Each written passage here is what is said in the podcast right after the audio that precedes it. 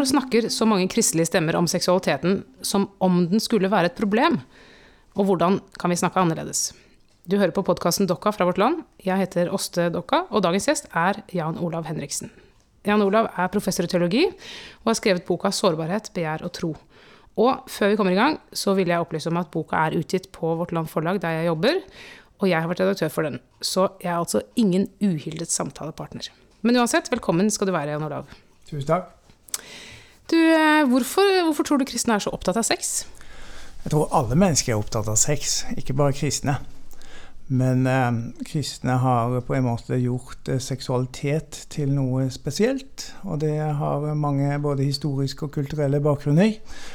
Og eh, seksualitet rører akkurat som religion ved noe av det dypeste i oss. Og da er det noe som eh, folk må komme til rette med, og som de lever med og strever med å orientere seg i. så er det sånn at religion også bidrar til å komplisere sex på måter som eh, folk som er opptatt av sex, men ikke av religion, kanskje ikke opplever på samme måten. Så på den måten så er koblingen mellom religion og sex litt mer vanskelig enn eh, bare det å komme til rette med seksualiteten, sånn som alle mennesker må gjøre. Mm, vi skal komme litt mer inn på de teologiske aspektene etter hvert. Men kan du først si noe om hvorfor du har skrevet denne boka? Ja, det har å gjøre med at jeg har fulgt med i uh, den offentlige samtalen om eh, tro og seksualitet i mange år. Og eh, samtalen er jo ikke blitt noe mindre intens, men den rører seg nå over litt andre temaer enn det den gjorde før, kanskje. Og eh, jeg tenker at for meg som er et eh, faglig orientert menneske, så er det viktig å spille inn noen av de perspektivene som vi har fra faglig teologisk hold på noe av den samtalen som jeg ofte føler at det ikke er spesielt faglig informert, men bare består i å føre videre tradisjonelle synspunkter uten å eh, finne gode grunner til hvorfor disse synspunktene skal videreføres. Mm, du skriver i boka at uh, ofte så begynner kristne liksom litt i feil ende uh, når de eller vi da snakker om sex. At, at vi ser sex først og fremst som et problem som skal løses. Ehm, eller et problemfelt. Hvorfor er, hvorfor er det feil? Ja, En kunne jo begynne med å eh, se på seksualitet heller som noe som har å gjøre med veldig mange ulike faser i menneskelivet. Fra vi er unge, eh, no, eh, til og med fra vi er barn og til vi blir riktig gamle.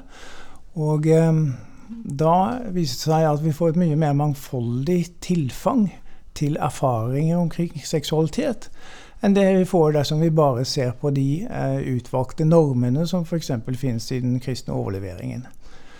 Du kan jo gjøre et tankeeksperiment i stedet for å bare fokusere på ekteskapet som liksom den gode rammen for eh, seksuelt samliv, som jeg også mener det er.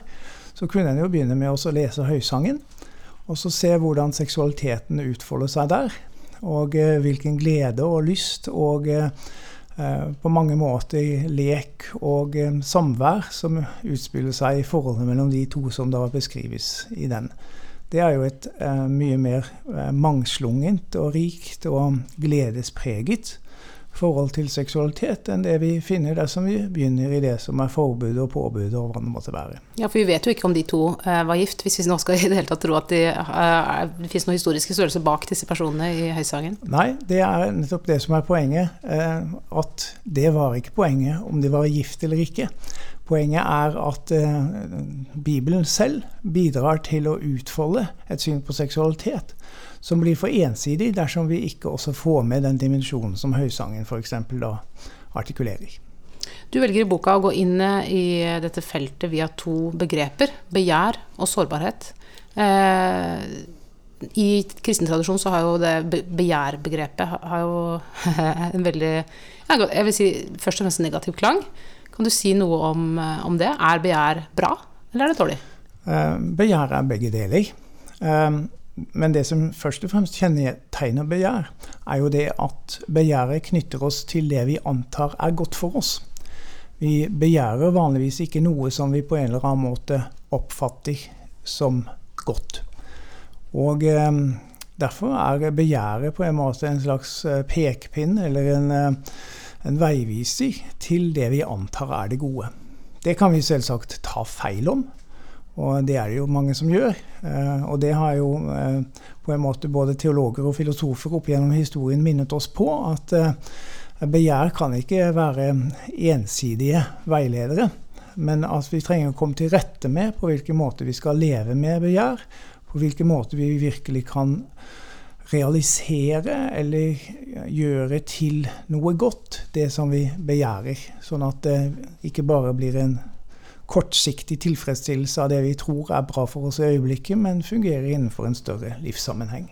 Jeg hørte noen snakke om at eh, begjæret kan fungere som et ganske godt kompass til å fortelle deg hva som egentlig er eh, hvor du vil i livet, og, og drivkreftene dine, hva du egentlig er interessert i, eller hvem du er interessert i. Hvis du skrur av det, så mister du egentlig en sans, på en måte. Det er jeg helt med på. Um, begjæret er noe som på en måte orienterer oss mot andre, um, eller mot noe annet. Og Derfor er det så viktig å bli klar over sine begjær og spørre seg er dette egentlig noe som bidrar til noe godt, eller bør jeg justere på hvordan jeg orienterer mine begjær. Og Det gjelder jo ikke bare seksualitet, det gjelder jo mange andre elementer i livet også. Har du behov for å ta et oppgjør med Augustins eh, begjærsforståelse? Det har jeg. Um, og det handler jo om det at uh, Augustins eneste legitime begjær er begjæret etter fellesskap med Gud. Mens alt det andre blir mindreverdig og noe som han sammenligner med å havne i kloakken. Og det syns jeg at er en veldig ødeleggende måte å tenke om alle de godene som Gud har gitt oss å få tilgang til, dersom vi eh, forvalter dem på en god måte. Det er vel også noe med at han knytter eh, arvesynden til begjæret. At, det, at, at uh arvesynden smitter til neste generasjon ved begjæret. Ja. Og da er det en kjempesterk knytning mellom begjær og synd. Det er det, ja. og, og, det er, um, er, dypt problematisk. Så um, i en videre sammenheng enn den som handler om denne boken her, som vi snakker om nå, så har jeg um, nedlagt ganske mye arbeid i å forsøke å utvikle andre forståelser av begjæret enn det som vi finner hos Augustin. Det andre sentrale begrepet i boka, eller som også dukker opp i tittelen, er jo sårbarhet. Ja. Kan du si noe om eh, sårbarheten vår? Ja, eh, jeg syns jo egentlig at sårbarhet og begjær er viktige å knytte sammen. Fordi at det å være sårbar hører faktisk til det gode ved det å være menneske. Akkurat som begjær gjør det. Men sårbarheten gjør oss også i stand til å bli såret, skadet ved at vi blir utlevert til andre mennesker. Og eh, seksualiteten er jo et godt eksempel på hvordan sårbarhet um, er i spill. For du kan bli avvist, eller du kan bli utnyttet, eller du kan bli misbrukt. Og alt det gjør at uh, en seksualitet som bare tematiserer begjær, uten å tematisere sårbarhet, den mister noe av det vi kan kalle for kompassmulighetene, som vi sa at begjæret eh, trenger. Og eh, det er ikke minst i forhold til det å være oppmerksom på eh, de uh, problematiske sidene ved å bli utnyttet eller um, på andre måter krenket seksuelt, at sårbarheten er viktig å ha med i fokus. Et begjær som bare utfolder seg uten hensyn til sårbarhet, det er ikke noe godt begjær. Men en sårbarhet som verner seg mot alt, den åpner ikke for noen gode relasjoner, den heller. Så det må være et begjær i sårbarheten, og det må være en hensynstaken til sårbarhet i begjæret. Når du snakker nå, så snakker du om eh, vår opplevelse av hvordan det er å være menneske. Du tar utgangspunkt i den menneskelige erfaringen for å si noe teologisk. Og, og, det tenker jeg jo er et Det er vel et slags prinsipp for deg i ditt teologiske arbeid. Um, men uh, hvis du ser til andre som snakker om sex uh, og kristendom i mediene, så begynner de ofte med et bibelvers eller, eller, et eller annet fra tradisjonen. Um, hva, hva, er det en motsetning her? Jeg ser jo ikke det, at det er en motsetning. Fordi også bibeltekstene er jo forankret i menneskers erfaringer og er en bearbeiding av eh, hva mennesker har gjort av refleksjoner om hva som skal til for det gode liv. Eh, og Derfor tenker jeg at hvis vi forstår bibeltekstene på den måten, så får vi også tilgang til en rikere måte å nærme oss dem på og bruke dem på, enn dersom vi ser dem som i motsetning til enhver form for erfaring som vi måtte ha. Så eh, bibeltekstenes bruk er alltid knyttet til den erfaringssammenhengen som de både oppsto fra og brukes i. Men så har man jo eh, Vi kan godt si at all tekst er eh, nedskrevet erfaring på en eller annen måte. Ja. Så alt er egentlig erfaring. Eller alt er tekst, eventuelt. Eh, enda ikke tekstliggjort tekst. Men, men, men, det er jo ikke nødvendigvis stilt på likt nivå av den grunn. Altså, eh, En som er mer konservativ enn deg, vil jo være mer tydelig på at denne, eh, disse tekstene om disse erfaringene er normerende i den erfaringsverden vi lever i nå. Ja, men det er en måte å nærme seg teksten på som har noen problemer ved seg. For det første så oppfatter den da teksten først og fremst som en instruksjonsbok. Og det er det veldig få bibeltekster som lar seg oppfatte som. Um, de aller fleste av de tekstene som vi oppfatter som normerende i dag, er leilighetsskrifter som er skrevet som råd inn i gitte situasjoner. Og da har de sin eh, rasjonale eller sin eh, gode begrunnelse. Men det betyr ikke at du kan uten videre ta dem ut av den konteksten og, eh, plassere dem i en, en hvilken som helst annen. Tilsvarende så må vi også ta hensyn til den konteksten som bibelteksten skal brukes i i dag, og spørre hva bidrar dette til. Um, jeg er opptatt av at eh, bibeltekster ikke bare skal leses med tanke på hva de ønsker å formidle av påstander, men de må også vurderes med tanke på hvordan de brukes, og hvilke konsekvenser bruken av bestemte tekster får for menneskers liv. For om de skaper noe godt, eller om de skaper noe dårlig. Hvis uh, bibeltekster brukes på en uvettig måte, sånn at de f.eks. skaper mye skam i forhold til seksualitet, så bidrar de jo til å ødelegge noe av det som er uh, helt grunnleggende uh, for veldig mange menneskers liv og for måten de oppfatter seg på. Og det er en veldig stor forskjell på det å gå rundt og ha et forhold til sin egen seksualitet som er preget av positiv og um, glad um, anerkjennelse av det den uttrykker og det å gå rundt og bære på skam fordi at man i det hele tatt har seksuelle følelser. Så på en måte så tar du jo også Bibelen til inntekt for dine synspunkter eh, og din tenkning.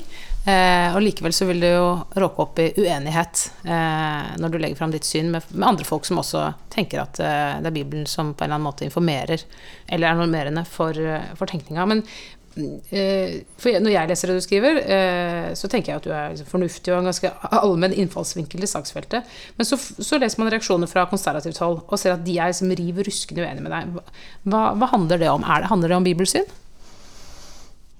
Jeg tror det handler om mange ting. Um, for det første så tror jeg at um, det er viktig å være oppmerksom på at vi, eh, ikke minst i Norge, har hatt en veldig lite faglig debatt om det vi nettopp var innom, som er knyttet til forholdet mellom bibelsyn og bibelbruk. Eh, og der eh, mange har eh, sagt at vi må bare ta Bibelen for det den sier, uten å tenke på hva den fører til med måten den brukes på. Det mener jeg er en type ansvarsfraskrivelse. Enhver som bruker en bibeltekst i en gitt kontekst, har også ansvar for at den brukes på en måte som skaper gode ting i menneskers liv.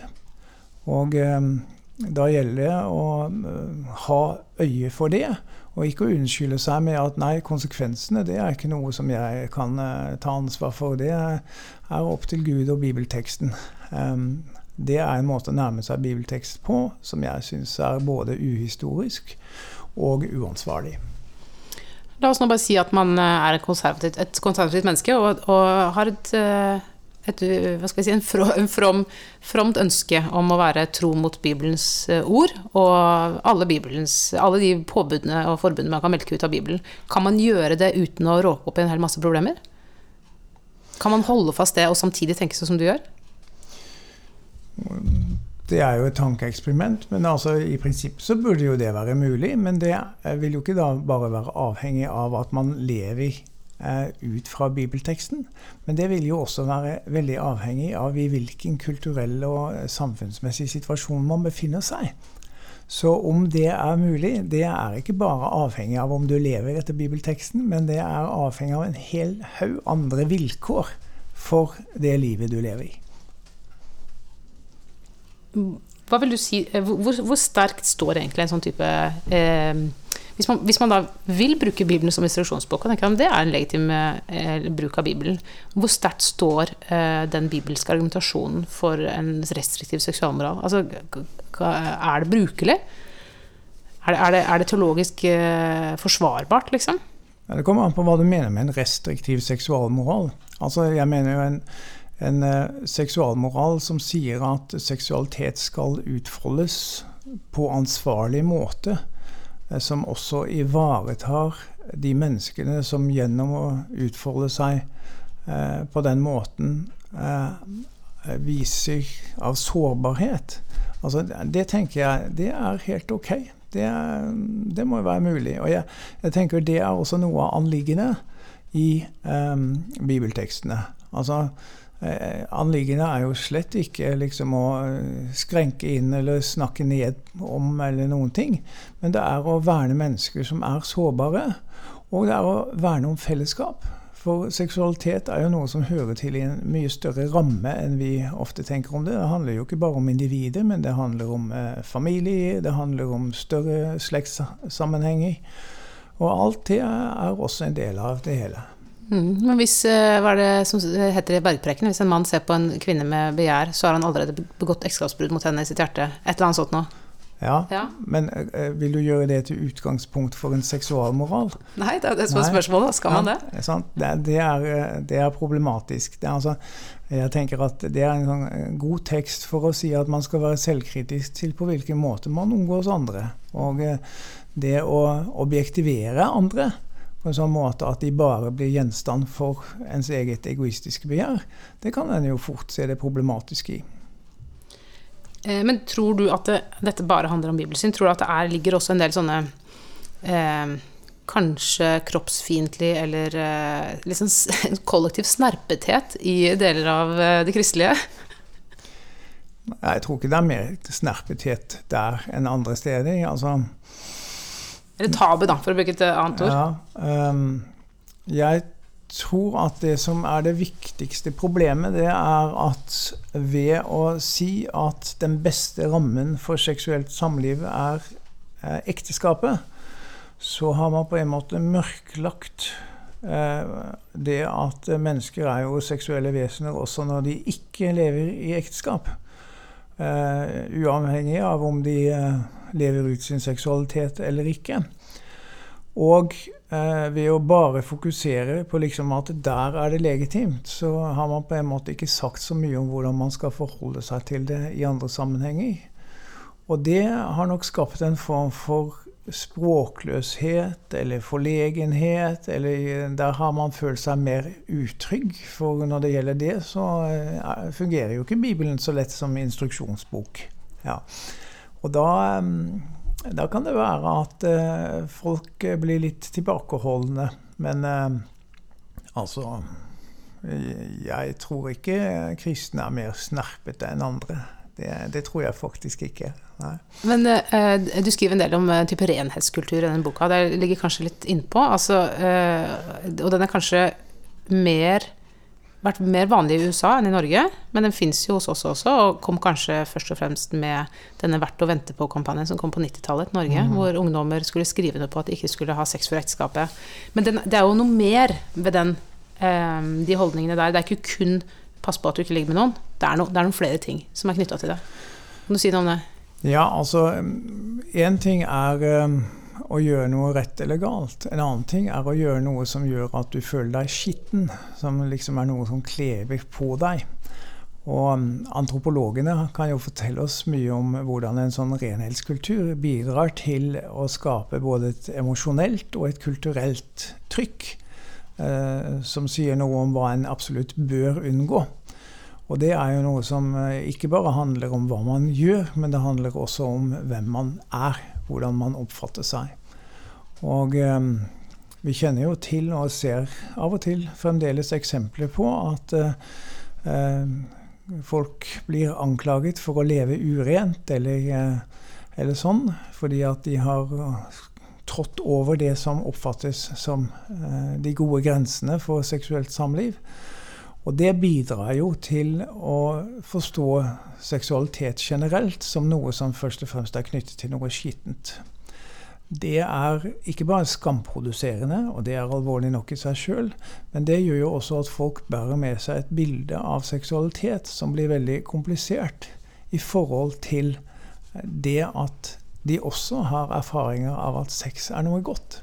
Så det skaper en sånn indre splittelse som jeg tenker er veldig problematisk, og som det er viktig å motvirke. F.eks. ved å peke på hvordan høysangen eh, beskriver seksualitet på en nokså uproblematisk og livsbejaende måte.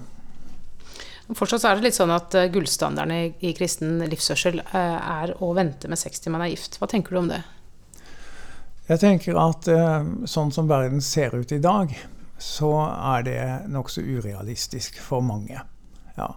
Um, hvis en skal spørre hva som er det bra i det idealet, så er det jo at uh, ekteskapet er en god institusjonell ramme for seksuelt samliv. Men uh, en må jo også stikke fingeren i jorda og innse at uh, sånn som ting er i dag, både når det gjelder samlivsmønstre, når det gjelder prevensjon og andre ting, så er det ikke alle som opprettholder den, den type klassiske idealer. Og da tenker jeg at eh, det fremdeles er viktig å snakke om både eh, på hvilken måte man utfolder sine begjær, og på hvilken måte man ivaretar eh, den andres sårbarhet, slik at seksualiteten får gode betingelser for å utfolde seg, og ikke føre til at den ene utnyttes av den andre osv. Men er dette liksom en etikk eh, som egentlig ikke er den beste? Det er bare en sånn som vi må ta til takke med siden vi ikke klarer å leve opp til idealene? Jeg ser det ikke sånn. Um, jeg ser, eh, ser det nok heller sånn at eh, både i og utenfor ekteskap så er det de samme idealene som må gjelde. Altså eh, du er like sårbar i et ekteskap som du er utenfor det. Og derfor er det vel så viktig å holde på de grunnleggende idealene i som utenfor. Ja. Men det som, eh, som, historisk sett skjer, det er jo at vi nå ser hvordan samliv utvikler seg på andre måter enn det som tradisjonelt har vært tilfellet. Og eh, da er jo utfordringen å ikke bare liksom holde fast på de tradisjonelle, klassiske rammene, men å si at eh, de eh, moralske normene som eh, gjaldt klassisk sett, de må også gjelde selv om eh, institusjonene og rammene endrer seg. Eh, så Derfor så er jeg ikke med på liksom at eh, det ene er bedre eller dårligere enn andre andre i og for seg.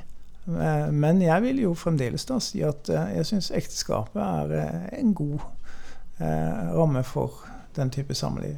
Ja, og det er fordi ekteskapet gir en type et vern eller hva, hvilke kvaliteter ved ekteskapet er det som gjør at, uh, at det er et, et, bra sted? Ja, Det er jo fordi at det gir en type vern. Det er bygget på, uh, i hvert fall i vår tid, uh, på gjensidighet, på likeverd, på trofasthet. altså ting som gjør at man ikke blir utnyttet eller krenket i, i sin sårbarhet. Og det tenker jeg er bra.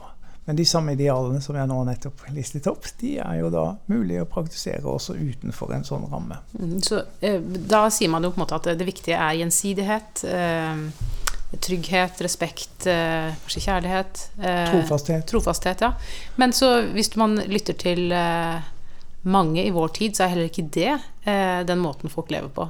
Og, og du kan helt sikkert lett finne folk som kan gi gode vitnesbyrd om hvor Eh, fint seksualliv fungerer for dem, selv om de har et mye friere syn på, og praksis på, på hvordan eh, de organiserer seg. Hva tenker du om det? Er også, er også den eh, kjærlighet og respekt og, og gjensidighet idealet, er det, har også det troverdighetsproblem da, i dag? Det kommer nok, som du antyder, litt an på hvem du spør. Jeg tror nok psykologene kan fortelle oss eh, hvordan alle mennesker eh, lengter etter og trenger eh, varige og trygge tilknytninger til andre. Og at det gir muligheter for en utfoldelse som eh, ikke bare har med sex å gjøre, men med, med livet i det hele tatt. Som eh, peker i retning av at det som ekteskap ivaretar, er noe som eh, ikke uten videre kan, eh, kan, ivaretas på samme måte der du f.eks. ligger rundt. Um, jeg syns nok det mest utfordrende i dag er at um, uh, på film og i andre medier så får du i veldig stor grad inntrykk av at seksualitet er noe folk kan ha et instrumentelt forhold til. Og da tenker jeg du mister noe av um, de ressursene som finnes i seksualitet for å utvikle relasjonelle eh, forbindelser som eh, varer over tid. Og der eh, det å engasjere seg i et annet menneske eh, også bidrar til at du blir eh, et helere og eh, et helere menneske med, med utblikk til noe mer enn det du har bare i deg sjøl. Men er det sikkert at det er så farlig, liksom? Eh, I kristendommen så har man gjort det til så stor sak. Men ja. nå fins jo prevensjon og ja. alt mulig. Nei, det kan det hende at det bare er som å spise sjokolade med noen på terrassen? Det kan også gi deg dypere innsikt, men eh, det trenger ikke det. Nei, å spise sjokolade gir deg ikke dypere innsikt. Og jeg, jeg synes at det, er, det eksempelet er et godt eksempel på eh, et mer sånn instrumentelt forhold til seksualitet. Um, samtidig så, så, har du et poeng i det at det er ikke så farlig. Altså, du trenger ikke bli såret eh, for det om du eh, involverer deg med noen, og så viser det seg at nei, det var visst ikke ham eller henne likevel. Det, sånn er det jo bare. Ja. Og eh, jeg tror at ved å på en måte eh, hverdagsliggjøre det, så kan vi også liksom hjelpe folk å nettopp tilegne seg den innsikten at nei, så farlig er det ikke, liksom. Um, og der tror jeg nok at uh, det tradisjonelle fokus på, på ekteskapet som liksom det eneste stedet, og den omkringliggende diskursen om seksualitet i kristne miljøer, har bidratt til å komplisere det veldig mye. Sånn. Min egen erfaring med å møte unge mennesker som liksom har um, levd sammen med andre før de eller vært sammen med andre før de gifta seg, jeg peker jo veldig tydelig i retning av at uh, dette gjør de fort til noe mye større enn det trenger å være, fordi at de føler på en måte miljøets press. Vi har jo hatt eh, over flere tiår diskusjoner om eh, homofili i Den norske kirke, og om samboerskap, og hvorvidt det er legitimt eller ikke. men akkurat når det gjelder sex for ekteskapet, så har man på en måte ikke hatt den samme debatten. hva kommer det av, tror du? Nei, det har vel å gjøre med at eh, selve debatten om ekteskap, partnerskap hatt, og samboerskap har hatt så sterk gravitasjonskraft eh, at det igjen har ført til at eh, den type tematikk ikke kommer ordentlig frem, eller blir belyst ordentlig. Og um, det er jo et av anliggendene mine i boken. at liksom må gjerne snakke om samboerskap og partnerskap og ekteskap, men eh, det skal ikke ha så stor gravitasjonskraft at vi ikke snakker om seksualitet i forhold til andre temaer enn akkurat det. For da eh, mister vi på en måte, eller vi fratar folk eh, noe av muligheten til å eh, både bli var og bli mer kjent med og forholde seg til og finne en god form på begjær og samliv og fellesskap med andre. Ja, for jeg tenker at det er et slags vakuum, eh, en samtale som ikke tas i Den norske kirke. fordi eh, i hvert fall ganske nylig så var det ingen biskoper som ville ordinere samboende prester. Nå tror jeg det skjer i større grad. Eh, og at man hadde et krav til prester om at de ikke kunne være samboere. Ikke fordi det gjelder andre krav for prester enn for andre, men fordi de er de eneste menneskene man faktisk har noe som helst makt over. Eh, så er det prestene som må lide for det, eller eventuelt for, har, har fortjeneste av det. Eh, og, og, og mm, det med samboerskap er jo selvfølgelig kan du se som en konkurrerende samlivsform til ekteskapet, som jo er den samlivsformen som Norsk kirke driver og forvalter.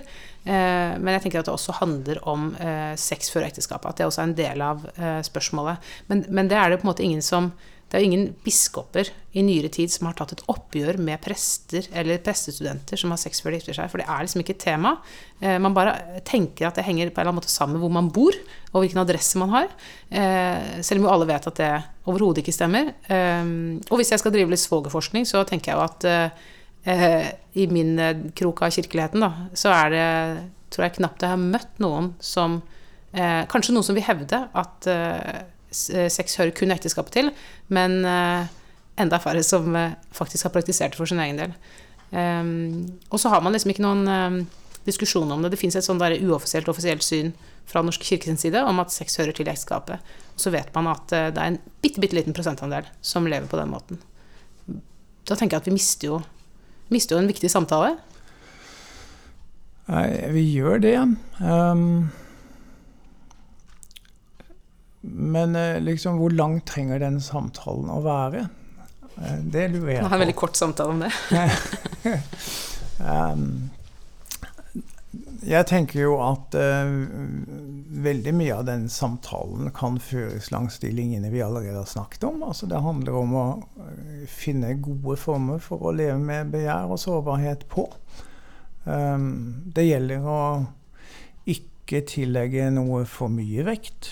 Eh, men samtidig gi det den vekten det skal ha for at vi kan leve gode liv sammen. Um, og så uh, tenker jeg at uh, det går fint an å ha den samtalen samtidig som man sier at vi holder fremdeles fast på at ekteskapet er en god ordning for samliv mellom folk. Eh, ikke bare mellom de to som gifter seg, men også for, eh, for barn osv. Samtidig som, og det har jeg lyst til å understreke, eh, vi må bort fra en sånn idealisering av ekteskapet som det eneste som liksom løser alle problemer knyttet til dette. Vi vet mer enn nok om eh, hvordan dårlig ekteskap ødelegger folk. Vi vet godt hva det betyr for barn å vokse opp i eh, ekteskap der mor og far er i krig eh, osv. Så, videre. så eh, det å på en måte være mer oppmerksom på alle de ulike psykologiske mekanismene som også er i spill når det gjelder seksualitet, det tenker jeg det hadde ikke skadet. Da får man et mer nyansert uh, forhold til uh, hva som er bra og ikke bra også. Og der tenker jeg nok at uh, en teologi som uh, bare er opptatt av å lese Bibelen som instruksjonsbok, men ikke være informert av det som uh, psykologi og samfunnsvitenskap ellers kan fortelle oss, den kommer på mange måter til kort. Og den er ikke nødvendigvis til hjelp for andre enn dem som finner ut at de inntil videre kan leve ut fra det de har fått overlevert som idealer. Eh, nå jo eh, Nå sier jo du dette. Du er professor i teologi. Du er ikke en eh, ungdomsleder på en klubb. Man må jo tenke at du har en type autoritet. Og det samme gjelder Den norske kirke. Hvis Den norske kirke sier noe fra høyeste hold, så er det på en eller annen måte viktig. Men for eksempel så i 2013 kom jo samlivs, Bispemøtets samlivsutvalg sin utredning, eller rapport. Ehm, tror du at eh, det har noen betydning hva autoriteter sier? Eller tror du det er helt andre impulser som styrer eh, både idealer og praksis? Jeg tror det kan være en vekselvirkning. Ehm, jeg tror nok eh, først og fremst at det som bestemmer folks liv, er det som de oppfatter som best for dem selv. Og vi lever jo i en tid hvor autoriteter ikke har eh, noen umiddelbar påvirkning. Og det tenker jeg er helt greit. Um, når jeg skriver bøker om temaer som dette, så er det jo ikke liksom for at alle skal nødvendigvis være enig med meg, men det er for at jeg ønsker at folk skal tenke over det de holder på med. Kanskje fra litt andre perspektiver enn det de har med seg. Og um, jeg blir jo glad når jeg f.eks. får respons av typer at de syns denne boken var befriende. Eh, i forhold til hva vi har vokst opp med. Eh, og det er godt voksne mennesker som kan si det. Eh, mennesker som lever i ekteskap, men som, som, har opplevd at det er et eller annet som har vært en mismatch i forhold til hva de selv har hatt av erfaringer. Og eh, den forkynnelsen som de er vokst opp med, f.eks. Så det å finne et uh, rikere språk, tilby et rikere språk, det er mye viktigere enn å innsette seg selv som autoritet. Og jeg tenker jo at uh, For Kirken også så er det viktig å bringe til orde nyansene i debatten, og ikke bare slå fast uh, at slik eller slik er det. Altså, Den tiden er forbi. Uh, hvis Kirken kan hjelpe mennesker å være gode moralske aktører i eget liv, så tenker jeg det er mye viktigere enn at uh, den bare forteller folk hva som er rett og galt. Er det dette som er måte, teologiens bidrag inn i dette feltet? For det, psykologien, Du har nevnt flere ganger sosiologien og, og, Ja, psykologien, psykologien Nei, psykologien, sosiologien. Kanskje medisin, antropologi, andre typer fag som kan eh, si ganske mye om hva som er godt for menneskene, og hvordan forskjellige måter å organisere livet på har forskjellige typer utslag. Eh, men er det noe spesifikt teologisk som liksom kan være av verdi? Jeg tenker jo at hele den teologiske tradisjonen forvalter enorme ressurser for å hjelpe mennesker å komme til rette med å forstå sitt eget liv. Både i forhold til andre og i forhold til det som er grunnleggende kvaliteter i menneskelivet. Og eh, de kommer ikke uten videre til uttrykk på samme måte i verken psykologi eller sosiologi eller hva det måtte være. Det er sånn at eh, teologiens og Bibelens tilfang til menneskelig erfaring, sånn som den er levd ut fra og i troen på Gud, tenker jeg fremdeles kan være viktige orienteringspunkter eh, som man eh, både må være oppmerksom på, være informert av og ta hensyn til når man eh, på en måte utvikler det som skal være ens eget gode liv. Til siste, Olav, tror du vi trenger en egen uh, seksualmoral? Holder ikke med bare en moral? Um, jeg tror at vi trenger um, samlivsmoral. Ikke seksualmoral, men samlivsmoral. Da må du si to ord om hva det er for ja, noe. Det handler om hvordan vi lever godt sammen som um, mennesker som lever i familie, mennesker som lever i ekteskap mennesker som blir skilt fra hverandre og likevel må forholde seg til eh, felles barn, f.eks. Um, jeg tror at det i stor grad er et forsømt område for uh, etisk arbeid. Uh, en skilsmissemoral? En skilsmissemoral, ja. Det tok jeg til orde for for 20 år siden, og jeg har fremdeles til gode å se så mange utkast til det. Mm. Uh, men det tror jeg hadde vært viktig. Jan Olav, tusen takk for at du vil snakke med meg i dag. Du har hørt på podkasten Dokka fra vårt land. Jeg heter Åste Dokka, og produsent i dag er Sondre Bjørdal. Og vi blir glad hvis du gir podkasten en stjerne eller fem på spilleren din.